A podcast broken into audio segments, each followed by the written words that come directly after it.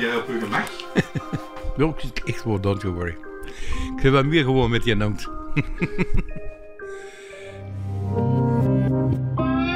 Ik ben Stefan Lee, spoedverpleegkundige bij ZNA Jan Paul Fijn. Sinds 1998 ontmoet ik elke dag tientallen mensen. Met een mug of op de spoeddienst zelf. Dat zijn in veel gevallen heel intense ontmoetingen. Maar even snel zijn die patiënten weer weg. En achteraf vraag ik me altijd af, hoe zou het nu eigenlijk met hen zijn? Daarom de podcast 112 Verhalen van op Spoed. Een productie van Stef en Wim van Lee in samenwerking met het Nieuwsblad. Waar ik de mensen opnieuw ontmoet weg van sirenes en de geur van het ziekenhuis.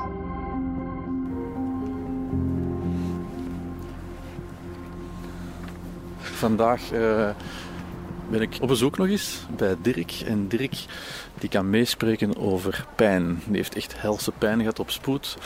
Met hem ga ik nog eens terug naar die dag dat hij bij ons op de, de spoedafdeling lag. Hier 17.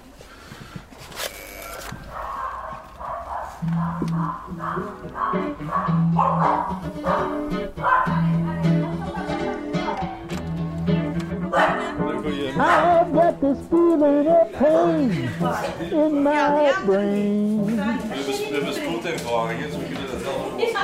Day after day after day, it's the same old game, yeah. Yeah, yeah.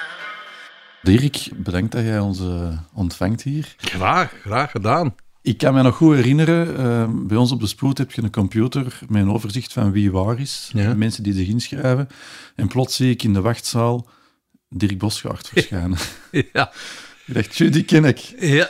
Ehm, ik. Ik wist nog niet wat er met u aan de hand was, ehm, maar ik heb u wel heel snel willen binnenroepen. Gewoon omdat ik u een toffe P vind. Ook. Ja, ja. Ik was ook blij dat ik u zag eigenlijk. Ja. Is dat waar? Je, je zit aan het afzien en je gaat een hospitaal binnen. En als er dan iemand is die je kent, en dan zeg je, haha, ja, dat is toch even eh, eh, een stuk stress minder. Ja, voor de luisteraars even meegeven. Dirk, ja, ze kennen u ook van Samson en Gert eigenlijk. Ja, ja, en ook van Piet Piraten waarschijnlijk. Dat zal eh, het, het meest bekende zijn, denk De ik. Berend Brokkenpap. De, inderdaad. Juist. Maar eh, Samson, ja, die kan ook nierstenen hebben. Die Samson eh, zelf niet, maar eh, de paljas die eronder ligt wel. ja, dat was een heel rare ervaring. Nou, pijn, ik, ik weet niet hoe, hoe hoog dat mijn pijngrens ligt. Eh, ik denk niet dat dat meer of minder is dan bij een ander.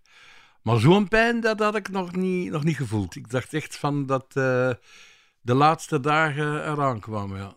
Eh, Dirk, voor, voor mij was het vrij snel duidelijk wat, wat uw probleem was. Ja. Maar ik vermoed als je zo'n helse pijnen hebt en je, en je hebt nog nooit echt gehoord over een, een niersteen, ja, wat gaat er in u om? Ja, allee, ik was eigenlijk blij dat ik hoorde van de niersteen eigenlijk. Uh, omdat ik dan wist dat is niet, niet dodelijk, dat is niet, niet heel erg of, of, of ik kan niet in het ziekenhuis moeten blijven. Want daarvoor denkt echt wel van, oei, ik ga hier binnen en, en nu, uh, hoe lang moet ik hier blijven? En ja, het, het, je kent altijd, het ergste stel je altijd voor. Hè? Dus eigenlijk met die nierstenen dacht ik van, oh, Oké, okay, dan, dan gaat het niet zo erg zijn. Maar daarvoor dacht ik wel even, ja, het komt hier niet goed met mij. Wat is dat hier? Dat was toch wel een beetje een angst. Ik heb dat niet laten zien natuurlijk. en dacht je dan echt aan, aan, aan hartinfarct, kanker? Nee, gewoon uh... doodgaan. Doodgaan, zo van... De organen gaan hier, die, die roepen van bye bye, we are gone away and you're gone with us. Dus ik denk van, ja, is hier, dat stopt hier allemaal. En ik had dat ooit eens gehoord, van als de organen stoppen, ja, dat is het begin van het einde. Zo daar dacht ik aan eigenlijk. Gelukkig, Dirk, was het dan niet. en daarom dat ik blij was, dat ik hoorde van, oh, want gij wordt toen zo, ah, dat, oh, dat zijn niersteentjes, hè. Ja, man, daar, daar, daar kunnen we iets aan doen. Oef. Wij vragen aan iedereen die op spoed terechtkomt de VAS-score. Dat is zo een, een pijnscore van 0 en 10. Als 0 op 10 geen pijn is, 10 op 10 is de ergste pijn dat je kan voorstellen. Hoeveel pijn heb je dan? 25. Ja, alleen, ja, ik bedoel, 10, daar komt er niet mee toe. Nee, als, je dus, als, als limiet 10 is, dan is 25, uh, ja. Maar op zich vond ik wel dat je op een of andere manier je pijn toch nog eervol droeg. Dank u wel, ja. Maar je kunt dat niet... Allee, ja, dat, dat is iets... Ik weet niet hoe dat komt, maar ik wil dat dan ook niet laten zien. Bij mijn vrouw is dat anders. Dan geef ik me volledig bloot en dan... eh, als ik ziek ben, ben ik vrij nogal een flauwe. Maar buiten zullen ze dat nooit niet merken of zien. Want ik ook werken als ik koorts heb en zo. Ik heb er een... Maar... ehm, Nee, ik wou dat niet direct laten zien. Deed wel zeer, maar ik zei ook wel tegen u toen van... Ja, toen maar jij wist precies echt wel van... Ja, ja, man. Kom, ik zal haar direct helpen. En dat hielp wel, ja. Weet je nog de, de afmetingen van uw steen?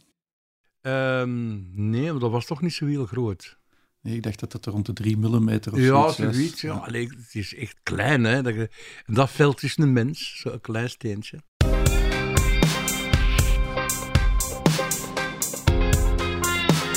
Als ik me pijn doe, dan zeg ik auw.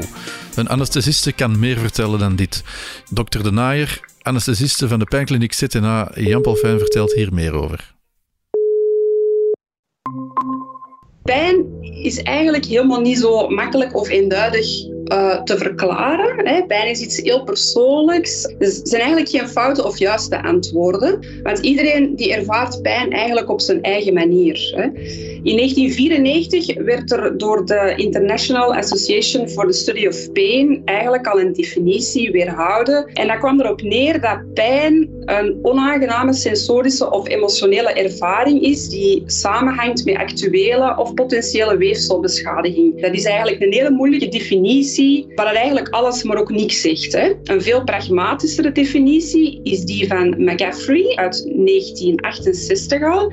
En die zegt eigenlijk dat pijn hetgeen is wat de persoon zegt dat het is. Hè. En dat die ook aanwezig is wanneer dat die persoon zegt dat die aanwezig is.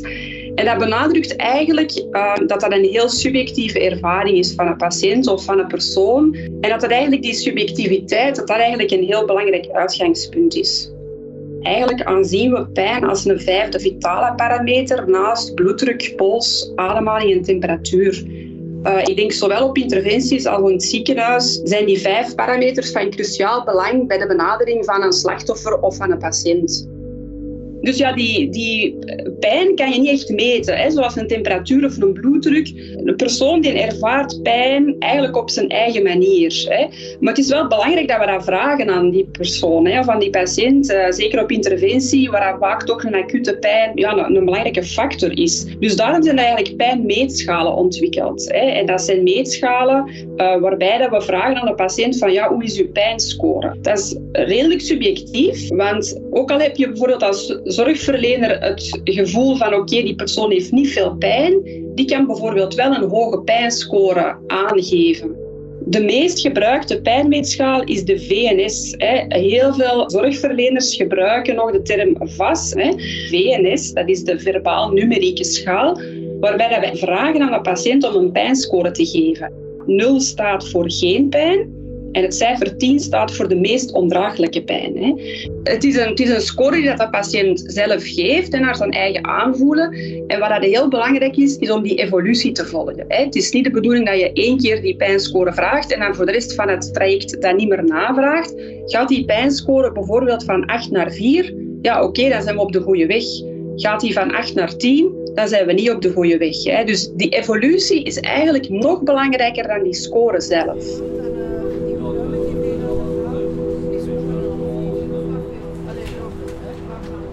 Ergste pijn. Dat je een, een, accident of zo hebt gehad en, en je zit gekneld, je kunt niet weg, je weet niet wat er aan de hand is. Een uh, kist die gesprongen was, zonder bij mijn weten ook. Want ze dachten dat ik een appendicit had. En die is nachts in het hospitaal gesprongen dus. En dat was verschrikkelijk, die pijn. Dat was mijn tien op tien.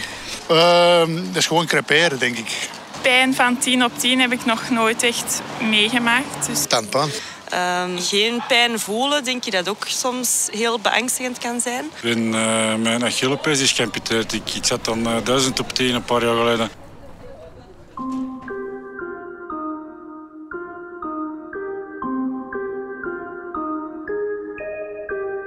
Ja, ik ben, ik ben een, een man. Ja, jij ook, Dirk. Ja. Uh, maar er zijn vrouwen die zeggen, dus ik geloof dat ook, dat een nierkoliek of een niersteen even pijnlijk is als bevallen. Ja, ja, het is moeilijk om te beschrijven, maar het is een pijn. Dan kun je echt niks meer doen. Dat, Ja, het ergste dat was hier eerder on- onder dan heb ik echt, dan zei mijn echtgenote, we moeten naar het ziekenhuis, want allee, nu heb ik wel pijn zien hebben, maar dit heb ik nog niet gezien. Want je probeert u natuurlijk met een nierkoliek, en dat is ook typisch, een, een houding aan te geven om, Ja, om die pijn te dragen, maar Ja, nee, niks niks helpt, niks helpt. Nee. En dat komt ook van, van de ene op de andere moment, dat vind ik ook wat rare. En wat ik nog het meeste bizarre vind, is dat zo'n heel klein steentje, zo groot, log, dik lijf, volledig kan verlammen eigenlijk.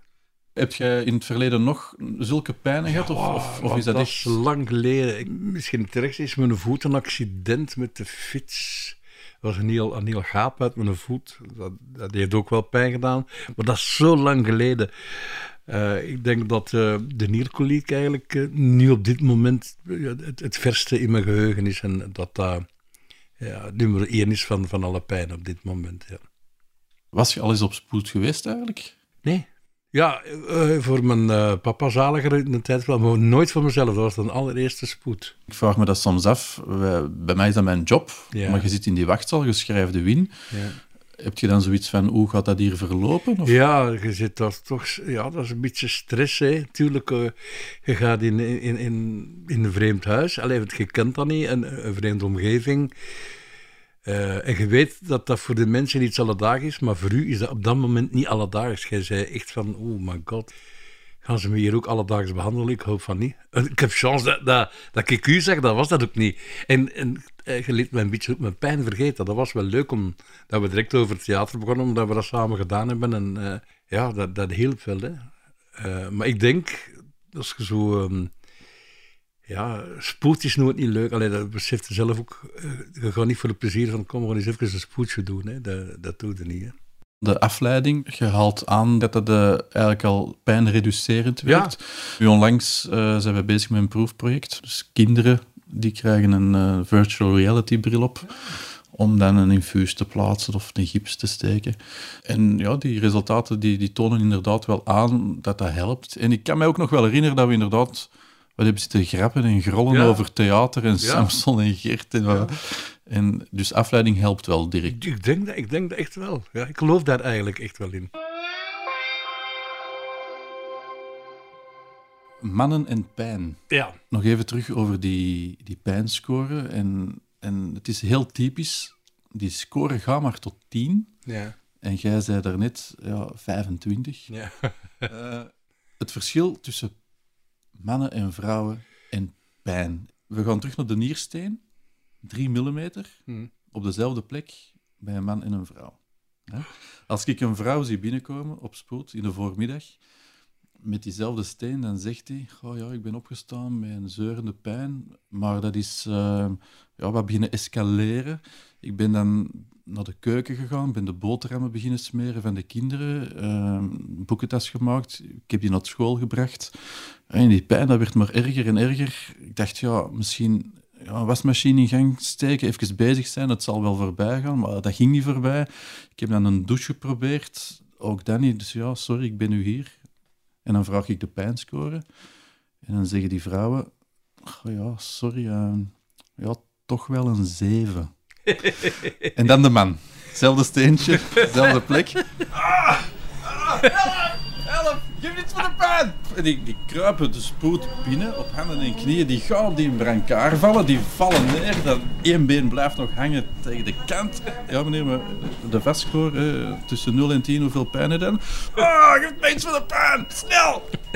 Ja, ja, maar ik geloof u. Allee, ik weet dat mijn echtgenote, die zou ook zo pijn, pijn, pijn. Die zou nou niet, niet zo theatraal dat doen. Eh, maar als tegenvoorbeeld mijn zoon, mijn eh, jongste zoon, die heeft een heel hoge pijngrens. Want die heb ik eens betrapt dat hem zijn tepel aan het toenaaien was. Eh, omdat er, eh, wat was dat, noemde dat, zo um, een piercing. En die was losgekomen en die naaide gewoon zijn... En ik vroeg toen, ze, wat is er, een Rambo of zo? Houdt er iets mee op? Ja, nee, dan moet terug op zijn plaats komen, hè. En die liet geen kick. Een goede naald, hè. Ja, dat is Die bijzonder. naaide daar gewoon toe. Dus je ziet, allee, is man, vrouw, dat hangt er ook vanaf eh, welke mens dat... Maar ik geloof wel dat de meeste mannen... Allee, ja, eigenlijk, uw verhaal geloof ik wel. Als je op 100 mannen en 100 vrouwen zullen er 90 mannen zo doen en, en 10, en, en, of misschien 20, 30 vrouwen ook eh, zelf. Dus dat verschil, daar, daar geloof ik wel in. Ja, het heeft ook al allemaal te maken met wie dat je bent, denk ik. Hè? Als, je, Ja. als je bijvoorbeeld een bouwvakker bent en, en je hebt continu eh, splinters in je, in je vingers, of je doet een bureaujob en je hebt een keer één splinter Ja, om, om de 15 klopt, jaar, klopt, ja. dan gaat die ervaring van, die, Van van, dat bureaujobje anders zijn. Pak de wielrenner, hè, als, die, als die vallen en die benen liggen open, die gooi je dan met pijpen en zout op. Om, ja, om, om die pijngrens te verhogen. Dus ik geloof daar wel dat dat kan, ja.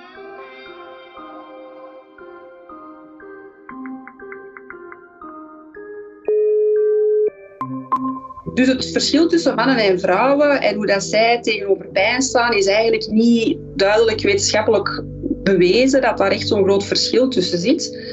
Ik denk dat vooral de manier is hoe ze ermee omgaan. Ik denk dat vrouwen vaak nog meer denken van oké, eh, kan ik het oplossen op een bepaalde manier? Ehm, en dat mannen echt heel duidelijk naar zorgverleners toe zeggen van ik heb een pijnscore van bij wijze van spreken 20 op 10. Er moet nu iets gebeuren, er moet nu actie ondernomen. Die zijn veel meer actiegericht. Dat probleem moet hier opgelost zijn. Terwijl dat vrouwen heel vaak nog verder nadenken eh, over het geheel en eh, voor en tegens eh, afwegen. En van zou ik wel dit doen, zou ik wel dat doen.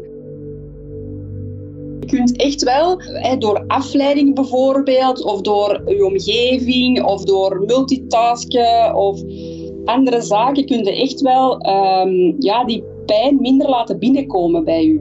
Maar andersom kan ook. Hè? Zijn heel ongerust, zijn een heel angstig type, ehm, heb niet goed geslapen, zijn geïsoleerd, eh zit je met andere zorgen, dan voel je heel vaak die pijn veel sterker aan. Ja, kan wel zeker een verklaring zijn, hè? hoe dat je er als persoon mee omgaat. Ja, Dirk, ik had, ik had vrij snel door dat, wat het probleem was bij u. Dat Ja, wat mij verbaasde. Ja. We vinden het ook heel tof om, om mensen dan te kunnen helpen, want dat is iets, iets dat vrij snel opgelost is ook. Ja. Dus ik, ik heb u inderdaad, denk ik, ook meteen de, de juiste medicatie Ja. toegediend. Ja. Hoe was dat voor u? Heeft dat dan inderdaad snel geholpen? Ja, dat heeft inderdaad geholpen. Tot zelfs dat het steentje er is uitgekomen. Ik heb daar geen pijn meer van gehad. Alleen heb ik uw raad niet opgevolgd. Ik moest toen naar de urologie, omdat er nog steentjes op zaten. Dat heb ik niet gedaan. En die is in de record gekomen en daar heb ik wel mee afgezien, maar daar ben ik niet meer voor afgekomen. Denk, eh, ik zou zelfs gaan werken toen. Dus je ziet, allee, dat dat ook kan. Ik heb nog eh, Samson gespeeld met, met, eh, met een nierenkoliek. Dat deed geen deugd, maar eh, ja. Maar ik denk dat de steentjes kleiner waren, want de pijn was wel iets draaglijker. Ik ben nu wel eh, nieuwsgierig als je zegt eh, Samson en, en Maries nu ondertussen. Ja. Eh, ja, je zit in, in, in, meestal in een afgesloten ruimte, vermoed Ja. ik, met koptelefoon om, om, om te zien wat er allemaal juist gebeurt. ja.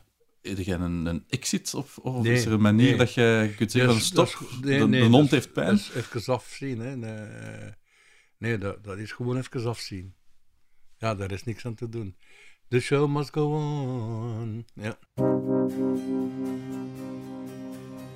Je kon gelukkig naar huis. Eh, Jij ja, jij bent ook niet wel. moeten blijven. Nee, En daarna ook geen last meer gehad. ik ben er nu vanaf, denk ik. Ja.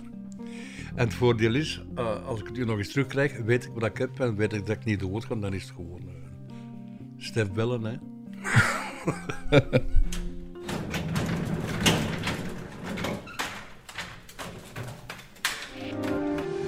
Geïntrigeerd door deze verhalen? Weet dan dat ik ook een boek schreef, 112 verhalen met, over en op spoed. Uitgegeven bij uitgeverij Vrijdag en nu beschikbaar in de boekhandel. Dit was de podcast 112 verhalen van Op Spoed. Ik bedank Dirk voor het fijne gesprek. Dank ook aan de expert voor de extra inzichten. Muziek en montage gebeurde door mijn broer Wim van Lee. Productie werkten we samen met de podcastredactie van het Nieuwsblad.